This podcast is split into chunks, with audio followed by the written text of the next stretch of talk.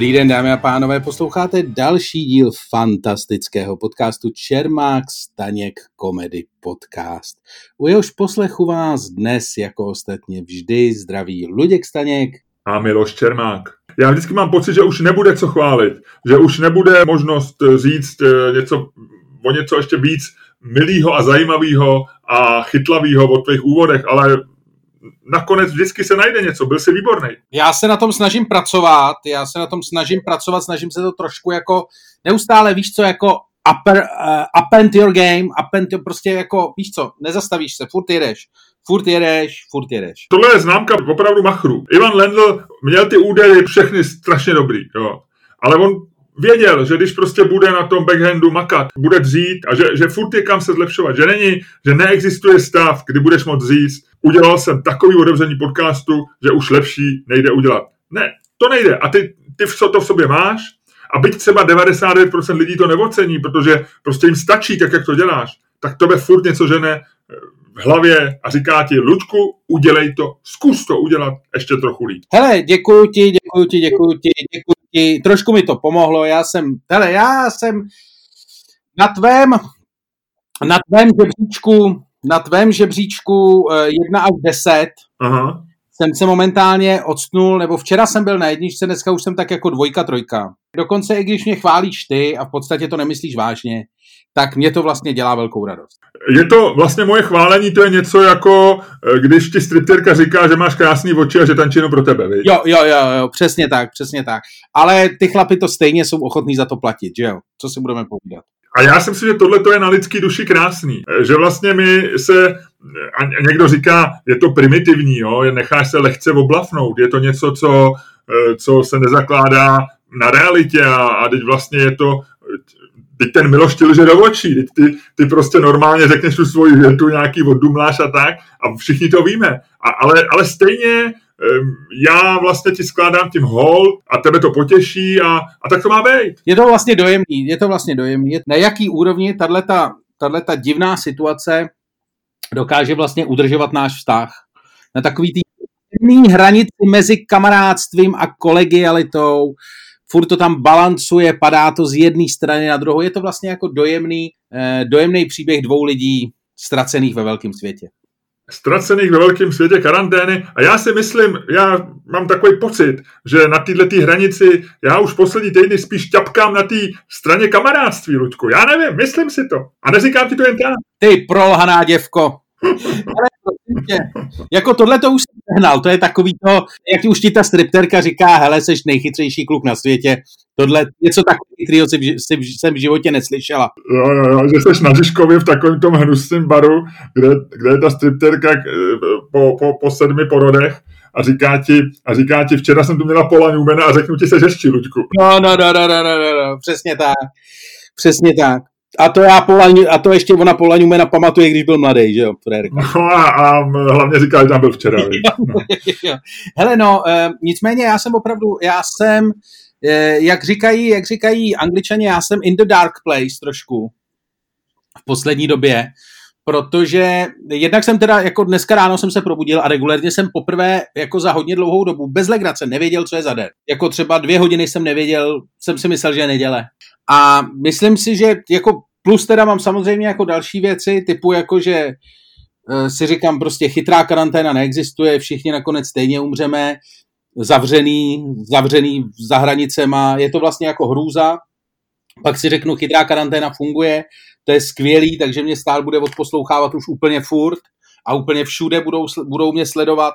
A tak prostě jako říkám, I am in the very dark place right now. Ale já si myslím, že ty jsi v tom eh, tmavém místě eh, jenom proto, že ty se tam jakoby pouštíš, jo? že tebe to trošičku baví, že to je jako když se člověk dívá na horor. Že jo? A ta dnešní situace tím, že jako nám jako reálně nic nechybí, že, že jako samozřejmě už pocitujeme nějaký tlaky, že já nevím, jestli člověk bude mít dost práce, jestli bude, jak se to zvládne, jak to zvládnou ostatní lidi a tak dále. A na druhé straně pořád tím, že vlastně jsme jako relativně v pohodě, tak si myslím, že to je furt takový jako, jako takový velký Netflix, jako ta, ta, eh, ta dnešní realita. Že pořád jsme tak jako v takovém seriálu a víme, že za chvilku to vypneme nebo tak a, a vrátíme se do normálního světa. Aspoň, aspoň si to myslím. Ty to je dobrý. No, já mám dojem, že sleduju teda nějakého jako Tiger Kinga live, ty jakože si... Ty, ty, už máš pocit, že jsi se stal postavou v seriálu Netflixu a to už je blbý. No. no, no, no. To asi... Tak na to si dávej pozor. Na Dobře, si... no, já jsem se tě do toho snažil vtahnout, ale bohužel zjevně neúspěšně. Ne, jenom jsem ti chtěl říct, aby si se, aby si se úplně, aby si se vydával do těch temných míst, ale protože tě znám, tak vím, že ty nejsi člověk, který v nich zabloudí a utopí se a, a stáhne ostatní. Naopak, ty jsi, ty jsi zdroj radosti a optimismu a, a persistence a takový buď dál, Ludku. Děkuji ti, Joši.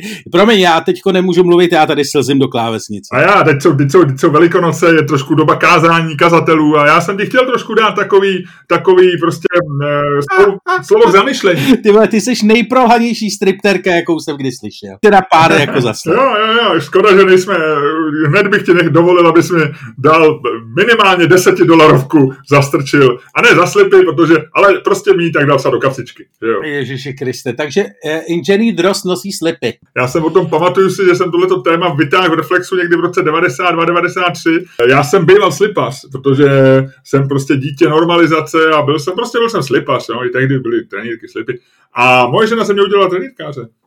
Calvin Klein, dokonce já mám značku Calvin Klein, já, já výhradně trenírky nebo trenkoslipy, to je taková trošku, to už taková Uh, no nic, nechme to být. No já právě teď se bojím, že si trochu zabloudil ty, ty jo, v labirintu. Já jsem si to uvědomil a říkal jsem si, Mildo, vrať se, vrať se, otoč se, jenom se, je jedno, kde seš, otoč se, aby stejnou cestou zpátky a ještě lidé přivítal zase v normální debatě. Hele, no a to, a co jsi zažil ty? Ty jsi nebyl v tomhle místě. Ty jsi v pohodě já se tam podobně jako ty prostě občas vypravím a začnu přemýšlet o karanténě a tak. Ale četl jsem zajímavou věc a možná se to trochu týká dnešního tématu, který jsme ještě neprozradili. Ono se to zabývalo tím, jak jako v této době karantény a době, kdy jsou lidi víc sami a tak, tak jak tuhle tu situaci lockdownu vlastně zvládají různé subkultury. No. Jo?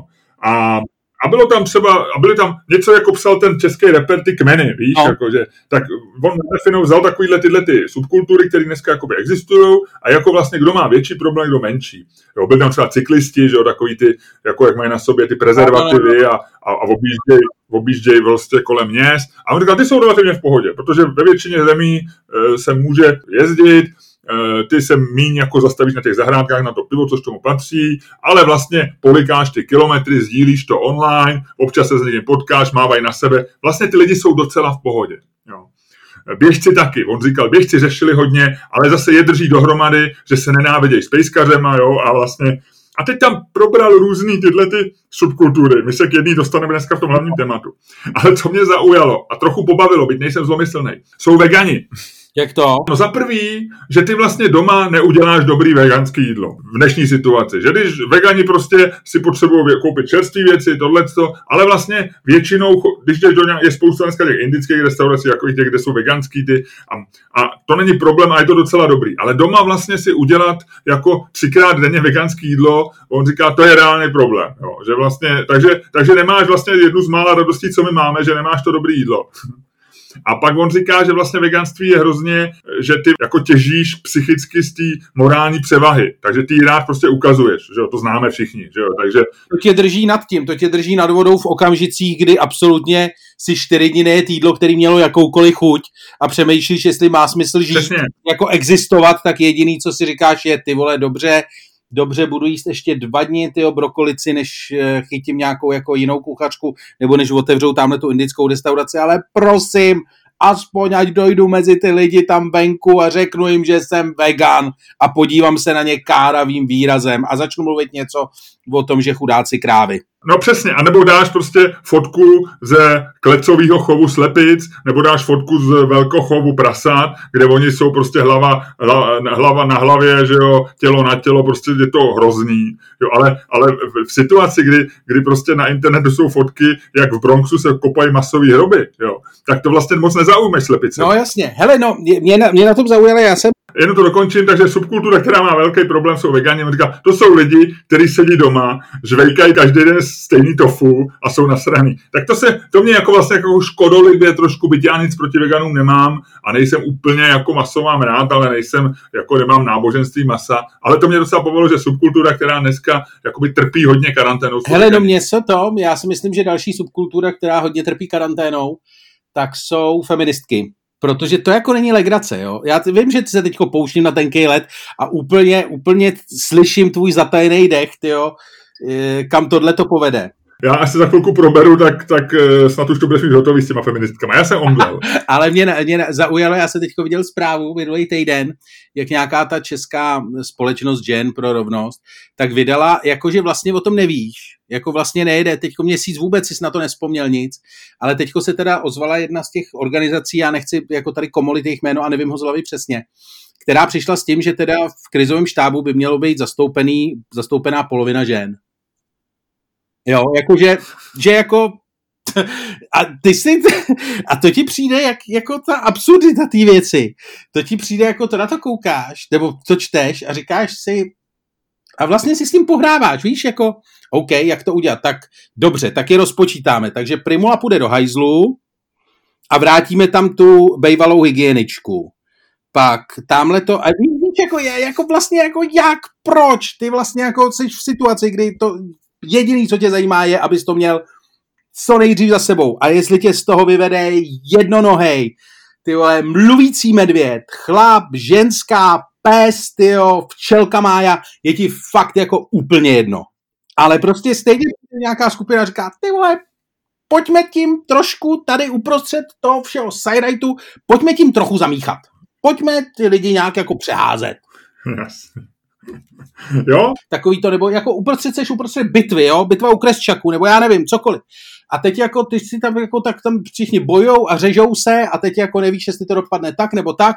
A teď na to, na to bojiště někdo přijde, takový jako paní s brejlema nebo pán s brejlema, nebo to je jedno.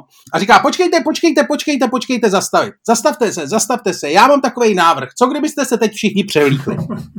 to je jak z Monty Pythona. A teď se všichni zastaví, podívej se na ně, říká, cože? No já si myslím, že byste neměli být, že tohle to oblečení je hnusný, že by to jako, že by nám všem bylo líp, kdybyste vy měli na sobě červený a vy oranžový. To mě, to mě jako pobavilo. A mě napadla ještě jedna věc, kterou vlastně jsem s tebou chtěl probrat. Protože my jsme někdy, my se v našich podcastech vlastně snažíme vyhnout takovým těm technikálím karanténím, takže jsme třeba jako strašně dlouho kroužili kolem tématu chytrý karantény, ty vím, že ty si o tom dělal nějaký rozhovory a mluvil si o tom jako s chytrýma lidma, já si o tom hodně čtu. A teď to tak jako vypadá, jako, že jsme z toho nikdy nedělali velký téma, ale mě, mě na tom zaujala jedna věc, protože teď to vypadá, že už se do toho jako nějakým způsobem blížíme, nebo že se blížíme k té věci, že teď prostě se ukázalo, že promořování nebo imunizace obyvatel jako asi neklapne, takže teď zase všichni se díváme do Jižní Koreje, kde vlastně ta chytrá karanténa nějakým způsobem funguje a všichni se tam chtějí jako to naučit, francouzi tam eh, posílali nějaký, jako jestli je to můžou naučit. A tak prostě chytrá karanténa je teď jako téma number, numero uno. A mě to strašně zaujalo, protože já jsem si představil, že to je systém, který je založený jenom velice zjednodušeně, ty mě možná opravíš, ale je to systém založený na technologii, prostě zjišťuje se tvůj eh, jako vlastně sociální rámec, když jsi přišel do, styku s někým nakaženým, tak oni ho nějakým způsobem identifikují na základě buď mobilů nebo čehokoliv jiného, chytnou ho, prostě strčí ho do karantény tam počká, dokud není otestovaný, ukáže se, jestli byl nakažený nebo ne a takhle to jde prostě to. Prostě zkrátka dobře, chytrá, inteligentní, rychlá izolace potenciálně nakažených. Říkám to správně. Jo, jo, jo, jo. V principu jde o to zjistit, s kým jsi se potkal a koho si mohl nakazit a toho tím pádem vlastně jakoby posíláš do nějaký karantény a je potřeba rozhodnout, jak, A mně se to na tom líbí, že si představuju, že vlastně tohle to bude věc, kterou vlastně bude chtít hacknout úplně každý protože jako vlastně jediný, co chceš, tohle to je vlastně, když hackneš tady ten systém, tak to je vlastně jako, to je sweet spot každého vandalismu. To je prostě harmless terorism. Ty prostě člověka, který tě sere, pošleš na 14 dní sednout si domů do obyváku. To je prostě úplně boží. To je prostě jako řeknu, ty vole, Čermák, co dělá? Co si má naplánovat, jo, on chce do toho Wachau. Ani hovno.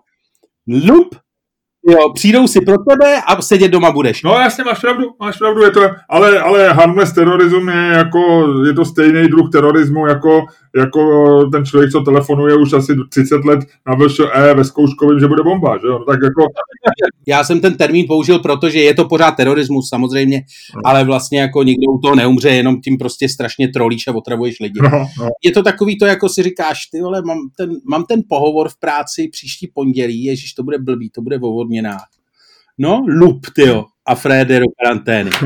Tady je vidět, že prostě ty seš ten člověk, který na všem hledá tu hezčí stránku a snaží se na všem objevit vlastně ty příjemné, pozitivní věci, důležité pro lidstvo, eh, jak by se cokoliv dalo využít. No, to je Já dobrý, jsem od malička jako eh, koukal strašně na detektivky a e, normálně třeba od 12 let jsem jako vlastně měl za nejoblíbenější volnočasovou aktivitu, takový, protože jsem byl takový to dítě, co rádo stálo v koutě a přemýšlelo místo toho, aby hrálo fotbal, proto ostatně vypadám, jak vypadám. Ale uh, vlastně jsem vždycky tady v těch koutech, když ty lidi říkali, o čem ten Luděk asi přemýšlí. No a Luděk, prosím tě, se stál v koutě, zamyšleně koukal do dály a plánoval dokonalý zločin. jako byl posedlej plánováním dokonalých jo, zločinů. Jo, jo, já, jako to se asi každému trochu líbí a každý ho to napadlo a každý čet takový to, že někoho probodneš rampouchem, který pak eh, roztaje a tak. A jasný. Specializoval na banky a vydírání. Aha, aha, aha. No uvědomuji si, že kdyby jsme dneska měli v Minority Reportu, tak už jako tady nejsem. V tuhle tu chvíli už by mě tahli v oknem nějaký tři frajery. jo, možná jo. Možná jo, jako takový ten potenciální, ale možná ty seš prostě už, ty už jsi zatím, ty v sobě to, ten zločin už sebe nemáš. To je pravda, já už jsem to, já už, te, teď už ne. Teď už, kdybych, kdybych hrál teď v nějaký gangsterce, jako o, o zločincích, tak už, bych, tak už by mě hrál tak už by mě hrál nějaký někdo hodně starý. Já už bych byl takový ten dojen, já už bych byl takový ten, co jako kouká na ty mladý vlčáky a říká kluci, takhle to nepůjde takhle jsme to v těch 90. letech nevymýšleli. A ono, když si na sebe podíváš opačně, tak jako herec, koho ty hraješ, jo? Prostě sice jako nenažranýho, ale vlastně takovýho hodně unaveného taxikáře. ty seš nejhorší, nejhorší stripterka, kterou jsem kdy ve svém životě potkal. Ano, ve chvíli, ve chvíli, kdybych mohl sbírat od tebe už nějaký ty bankovky, tak vlastně tě pošlu zase zpátky dolů. Šílený. No nic, pojďme na dnešní téma. A tím je subkultura, o která Českem hýbe a která je e, vedle myslivců a rybářů jednou z nejsilnějších a nejvlivnějších, která je možná jednou z nejtypičtějších vůbec pro Česko a pro Čechy. Překvapně.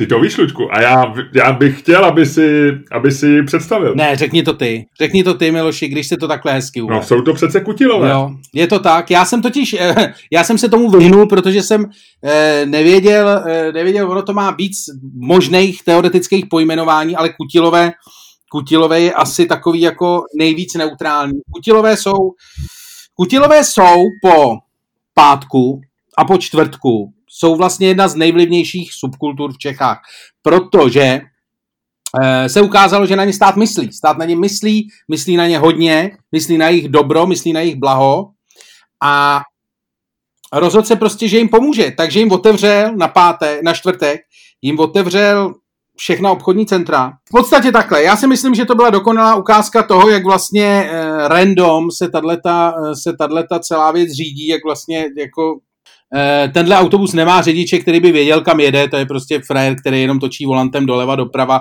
podle něj, co na něj kdo zařve.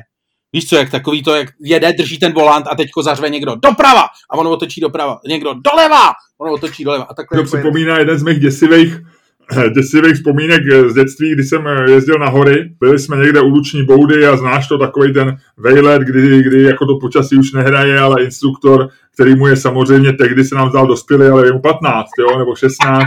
Ty si říkáš, jasně, to je 8, 9, 10 a říkáš si, to je, ten, ten ví, co dělá, nikdo nezná hor líp než on tak, takže jsme z Ruční vyšli někam na Vírovku, samozřejmě přišlo strašná bouřka, my jsme se ztratili a ještě, takže jsme šli, takže jsme zmizeli z těch tyčí a ztratili jsme se. Jo. A teď se v těch pláních máš dva metry viditelnost nebo tři metry, je ti hnusně zima, že jo, je ti deset a říkáš si, teď tady všichni zmrzneme, ale naštěstí je tady ten frajer 15 letý, instruktor Jirka nebo Johnny nebo někdo, který nás zachrání. A Johnny, ty vole, ten byl vepředu a říká, OK, a ukázal na mě, protože jsem byl nejvyšší, že jo, myslel si, že jsem třeba starší než ostatní, ale já byl ve skutečnosti nejmladší. A řekl mi, hele, ty budeš vzadu a uh, koukej se na nás, na náš štrudl, nás bylo asi 8 nebo 9. A já potřebuji, musíme jít rovně. A když půjdeme rovně, tak určitě dojdeme k tyčím, protože tímhle směrem jsou tyče. Ale nesmíme se přijít do kolečka, protože mohli umrznout. Takže jenom sleduj, jestli jdu furt rovně. já v deseti letech vyděšený k smrti, že umrzneme z těch filmů Hanč a Vrbata, tak jsme šli v strašný vánici a já na něj křičel, trochu doleva a on uhnul doleva. Já si říkám, ty vole, ono to funguje. My tady všichni zahyneme. Jo, a pak jsem řekl doprava a pak už jsem úplně v prdeli, nevěděl jsem kam jdeme. Naštěstí samozřejmě nezmrzli jsme, došli jsme někam, nebylo to asi ani tak nebezpečné, jak se mi zdálo. Ale ta představa, že ty v deseti vyděšených smrti vlastně říkáš Johnnymu, který mu věří, že tě zachrání, jestli mají doleva nebo doprava a on tě poslechne. To bylo něco, jeden z jako takových momentů určujících mého života, tak jsem si tohle jako musím, musím hledat lepší vůdce ve svém životě. Johnny to není. no vidíš, a pomohlo ti to. Pomohlo ti to. to je hezká historka.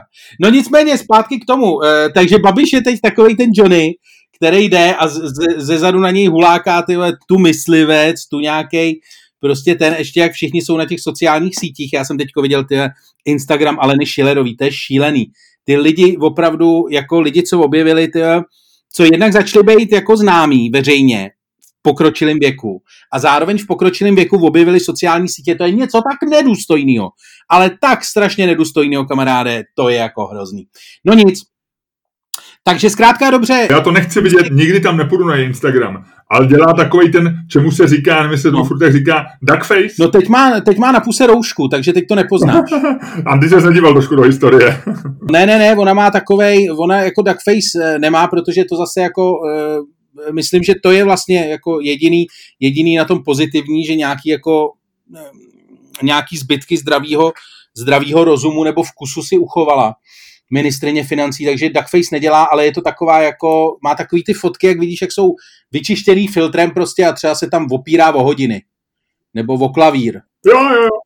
A má takový diblíkovický úsměv, diblíkovi, ne? Ano, takový hodný diblíkovický, diblí, diblíkovský úsměv, no. Je to něco jako strašně nedůstojného. Je to jako když tvoje, tvoje teta eh, jako objeví prostě ve svých 50 letech třeba objeví Instagram a je to teta z venkova a vlastně jako nežije moc zajímavý život, ale vlastně strašně na tom Instagramu chce být.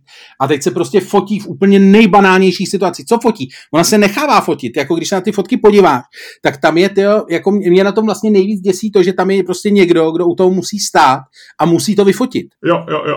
Protože ani nefotí z ruky, tam prostě ona donutí nějakého zoufalce, který prostě tam musí stát, držet v ruce ten mobil, jako vycentrovat to, vymyslet jí, říct jí ještě trošku, ale no trošku doprava, Malečko doleva, no, koukni se na ty hodiny, no, koukni se na ty hodiny, jako kdyby si je chtěla vojet. To je ono! Pš!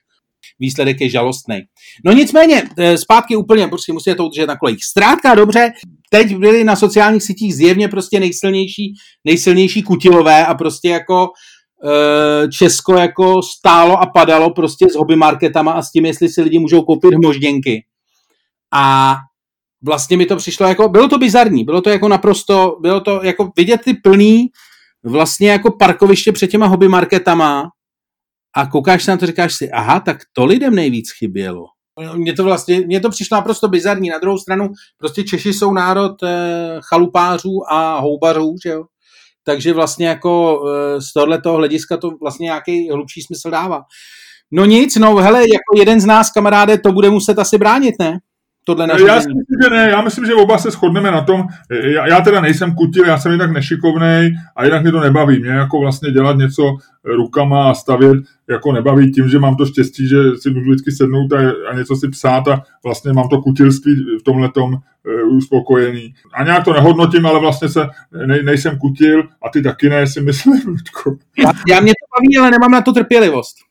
A e, mě to teda nebaví, no. A, a vždycky mi přišlo legrační e, takový to ten e, Přemek Podlaha, jak, jak si pan, pan Jaromír prostě z, z Vodňan si postavil z pět lahví a sedmi, sedmi čtvrtek sluneční kolektor, nebo já nevím, jo tak to se mi vždycky líbilo, ale vlastně jsem to bral jako takovou tu českou, eh, jako takovou tu českou zoologickou, no, takovou tu, takže jako, ale tak co dát tu otázku tak, aby jsme v tom oba byli jakž komfortní, uh, jestli ty lidi, kteří využili hned první den v otevření hobby marketu, jsou ty nejhorší lidi na světě. Rozumím, to jako vlastně smysl dává. Já jsem jenom rád, že většina našich posluchačů je z velkých měst a doufejme, že to nejsou kutilové, respektive chataři nebo chalupáři nebo zahrádkáři, protože obávám se, že když to naformulujeme takhle, tak po tomhle už si nás najdou. Tak třeba můj táta byl vždycky kutil, nebo jako vlastně dělal, že bavilo ho to na té chatě, vždycky si dal montérky, dokonce sousedi mu říkali permoníček. A já jsem se právě naučil takový ty srandovní slova jako hurdisky jo, jo. a mně se hrozně líbilo slovo palubky. Já nevím, vlastně nevím přesně, co to je, jsou to, to jsou takový ty, jak nějak zapadnou do sebe, nebo tak, jo. Je to asi od slova palubka, ale jako vždycky palubky se mi zdálo, jako, ale vždycky táta říkal, hele, měli bychom jet koupit palubky do stavební. A já jsem takovou jako vnitřní radost, říkám, kurva, jedeme pro palubky, to je fajn den. No, tak eh, ty se trošku bojíš, že, že, že po tomhle podcastu si nás najde nějaký kutil a vezme tě do hlavy palubkou, viď? No ne, já jsem si to představil, jak jako, víš co, to natočíme, publikujeme to, je to v pohodě, všichni nám budou říkat, jak je to dobrý, výjdeme z domu a teďko ty výjdeš ze svého domu někde tady za Prahou nebo někde tady z našeho studia v Karlíně a tam bude takový nenápadný člověk a řekne jenom dobrý den, je, vy jste pan Čermák, vás znám a to se může stát i mně, že jo, tak my jak jsme na to, tak jako jednou za rok nás někdo pozná, jsme takový ty celebrity typu B, C. Ne minus nebo C+, jo? No, no, Náš podcast je nahoru, tak já bych se trošku přimluvil možná už za B-, ale vždycky jsme byli C+. B-. No a teďko ty řekneš takový to, protože jsi zvyklý, jak tě, tě občas někdo pozná, jednou za čas tak řekneš, no, no, no, dobrý den a čeká, že ten člověk se bude chtít ti říct, jak je to dobrý, nebo se s tebou vyfotí. A ten člověk vytáhne z báglu, ty vole, zahradní lopatku, takovou tu, jak se s ní vole kypří půda a mrne tě s ní do držky. Ale jako hrozně. A ty tam budeš stát, vole, budeš takhle vole, se držet za tutu. A on tě bude mlátit, vole, tou tou zahradní lopatkou a bude ti říkat, já ti dám ty vole největší idioti. To bude boží. Luďku, já tenhle podcast Takhle nedělám na tohle téma. Víš co? Já, hele, pojď kašlem na to, je to jedno. Ne, hele, ale tohle to je furt dobrý, protože já si, moje největší zážitek z dětství je, eh, nebo z, dospí, z dospívání, co mě nejvíc ovlivnilo, nebo jedna z věcí, která mě hodně ovlivnila, byly romány Ericha Maria Remarka. Na západní frontě klid a takovýhle, on to vždycky psal o té první světové válce. A na, na západní frontě klid je přece taková ta scéna, kdy oni, jak už nemají ty zbraně, tak bojují ostře nabroušenýma polníma lopatkama když tu, tam je to popsaný jasně, že když tu, že jak už neměli prostě střelivo a nic, tak prostě měli jenom tu polní lopatku a tu zbrousili na jedné straně a Erich Maria Remark tam píše, že když si někoho tou lopatkou jako jebnul mezi krk a klíční kost, tak si ho dokázal rozpůlit až někam k hrudníku. Aha, jsem... aha. Já jsem tady rychle za, zagoogloval a jsou tady, eh, je tady opravdu taková jednoduchá eh, Fiskars lopatka Solid Alza 85 korun, to je super cena. Eh, pak je tady zahradní lopatka Patriot, kulatá, Mountfieldu... To dostaneme oba dva potlamně po tomhle podcastu.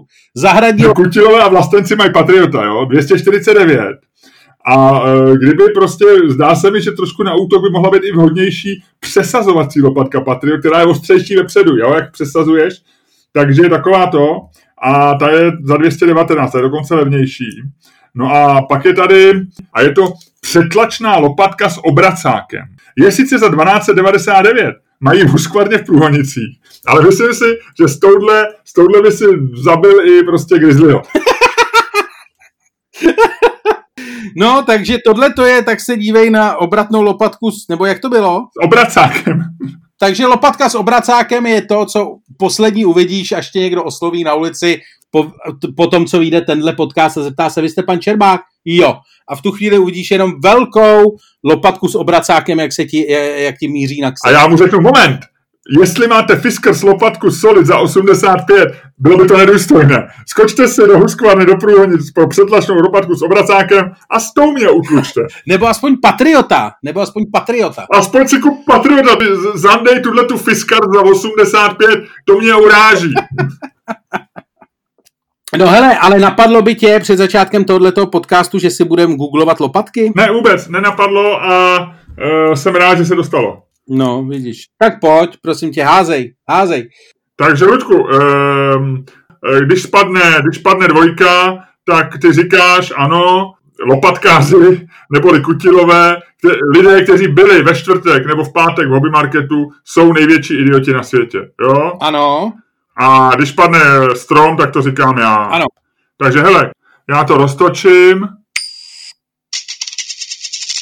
Vrací se ti dvojka. Lučku, proč tak nemáš rád lidi, kteří ve čtvrtek byli nakoupit v hobby marketu, jako je Baumax, eh, Bauhaus, Oby, eh, Hornbach a nebo třeba Mountfield? Pověz. Já si myslím, že lidi, kteří tam šli, lze rozdělit do dvou skupin. Menší skupina, která se do Hornbachu a Mountfieldu a Hobby a tej Oby a toho vypravila, tak to byli lidi, to byli skuteční srdcaři. To byli lidi, kteří opravdu věděli, že když si nekoupějí to, jak, jak tomu říkáš, co to bylo za slovo?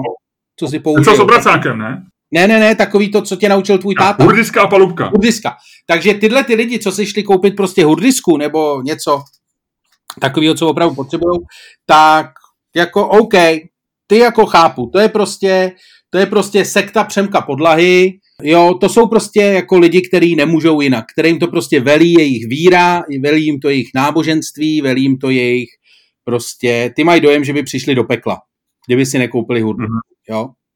Ale pak si myslím, že je tam prostě větší, protože není možný, aby prostě ty hobby markety byly takhle plný, takhle strašně plný. Takže si myslím, že prostě je tam větší skupina lidí, uznávám, nemám proto žádný data, ale vlastně všechno tomu nasvědčuje, řetězec nepřímých důkazů, jak říkají jak říkaj kriminalisti.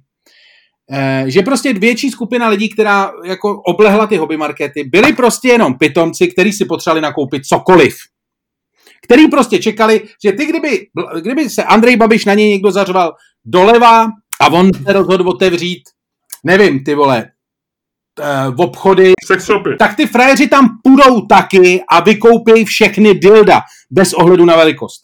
A budou tam stát ve frontě a vůbec jim to nepřijde blbý, protože prostě budou mít dojem, že dělají to, co mají dělat celý život a to je nakupovat. A, a říkali by, říkali by, a já chci dildo Patriot, já nechci to obyčejný. Přesně, já chci, přesně, a obracecí, ob, dildo s obracákem. Dildo s obracákem. No a já chci prostě to. A vykoupili by to všechno, brali by prostě takový ty debilní, debilní prostě růžový pouta s tím flafem a prostě všechny takový ty plastový, nechci říct slovo píčoviny, v tomto případě je to asi nevhodný slovo, ale víš, co myslím? Vykoupili by úplně všechno prostě plastového, gumového, co tam je, protože prostě mají dojem, že nakupování je jejich prostě právo a musí se dělat, pokud prostě ti ho někdo povolí. To ne, nebyli lidi, kteří by potřebovali opravdu uh, lopatku s obracákem. To byli lidi, kteří si chtěli koupit kitku, prostě na chalupu, nebo který potřebovali, prostě, který měli dojem, že potřebují jako na chalupu novou sedačku. Všechny takové ty jako vlastně zbytné věci. Hmm, hmm, hmm. Ty zase budeš říkat, že jsem laciná kurva, jo? A že, nebo laciná stripterka, nebo prostě eh, příliš, příliš jednoduchá stripterka, ale dovol, abych ti dal prostě tu nejhlubší poklonu. To by se povedlo udělat to, abys nedostal hurdiskou, nebo obracákem, nebo lopatkou Patriot. Tak ty si vlastně udělal fascinující věc, že ty si vlastně jakoby z toho vyjmul tu mocnou skupinu hobbystů a kutilů a ty vlastně si svoji Filipiku a svůj útok si směřoval na jinou skupinu, na skupinu idiotů, co prostě koupí všechno. Jo? Ano, ano. A to já považuji za dokonalý obrat. Já bych skoro, skoro si myslím, že kdybych já neházel tou mincí, ale házel si s ní ty, tak řeknu, to si měl připravený, protože já nemám proti tomu co říct. Jo? Já v podstatě hlásím dopředu pro hru, než řeknu svůj argument. A uh, já, ne, já opravdu, jako ty si, ty si, jako mít nenávist vůči kutilům je svým způsobem jednoduchý, to jsme, my jsme ji ventilovali před chvílí oba, více či méně. A, a zároveň, e, zároveň je to laciný, že jo, je to prostě e, ty lidi, e, tak jako my máme rádi prostě to, že si čteme knížky nebo děláme cokoliv jiného, co není nějak morálně lepší, než, než stavět z hurdisek malý Titanic na zahradě, jo? Tak to by se povedlo tyhle ty lidi vlastně ušetřit. A atakoval si jakoby anonymní skupinu idiotů, kteří nakupují a já můžu říct jedině gratuluju, skvělej řečnický tah a vyhrál si. Já ti k tomu řeknu jen tolik, já jsem na tuhle tu skupinu zapomněl, proto jsem uznal svoji prohru dopředu a já se bohužel musím svoji Filipiku zaměřit na tu malou skupinu těch skutečných kutilů. Takže tady někdo dostane lopatkou mezi klíční kost a krk. E, bo obávám se, že, že vlastně e, je ani nějak, e, ani si u nich nešplnu to svoji obavu, ale já chci říct tuhle tu věc, já jsem u lidí, kteří jsou kutilové a šli si koupit hurdisky, protože je potřebují, ne proto, aby si koupili cokoliv, včetně dilda s obracákem e, pod značkou Patriot, tak tyhle ty lidi, já si myslím, že už začínali být nebezpeční, protože nemohli kutit. Jo. Já to viděl i prostě doma, že jo, když táta neměl šanci jít na chatu, tak začal mít divný nápady, že, jo, že třeba bych se měl víc učit, nebo, nebo méně chodit ven, nebo já nevím. Jo. A ve chvíli, kdy měl svoje hurdisky a palubky, tak mu bylo úplně jedno, jestli se učím nebo ne. Jo. A to samé jsem chtěl říct pro ty kutily, jo, že, že vlastně oni byli čtyři týdny, jezdili na ty chaty, použili všechny hurdisky a palubky, které měli v zásobě a teď jim začaly chybět. A tyhle ty lidi vlastně nutně potřebovali pokračovat, eh, pokračovat prostě v tom stavění chrámů, jo, jak by řekl Otokar Březina, v tom, eh, v tom potřebovali v tomhle tom eh, jako nasytit to svoje, tu svoji hladovost po tvorbě věcí a otevření uh, hobby marketu byl jediný způsob, jak tyhle ty lidi neutralizovat a nespůsobit, aby nás svýma lopatkama, který aktuálně k čemu nepotřebují, všechny ostatní neumlátili. Jo. A uznávám ale, že proti týmu argumentu, jak říkám, už si, už si vyhrál. Děkuju, děkuju, děkuju. Jasně, já, já mohu bych se tě zeptat, jestli už jsi si všiml někdy ráno při holení, že vypadáš jako Paul Newman, ale pak už to bylo příliš vokatý, viď? Jseš nejhorší stripterka ever. Dobrá. Takže já, já se půjdu asi do zákulisí obleknout a e, tobě nezbyde nic jiného, než se odhlásit z tohohle podcastu. Dámy a pánové, poslouchali jste další díl z řady podcastů Čermák Staněk Komedy, kterým vás jako vždycky provázeli Luděk Staněk a Miloš Čermák. Mějte se hezky. Naschledanou. Ať vám hurdisky jdou pěkně od ruky. A nezapomeňte, že v pondělí vysíláme další podcast a tentokrát je zase živě. Živě v 9 hodin na Instagramu, na mém účtě Miloš Čermák, anebo na Luďkově účtě Luděk Staněk a budeme tam, jak říkám, pokud se dožijeme, budeme živě. Ano, a možná budeme mít lopatku.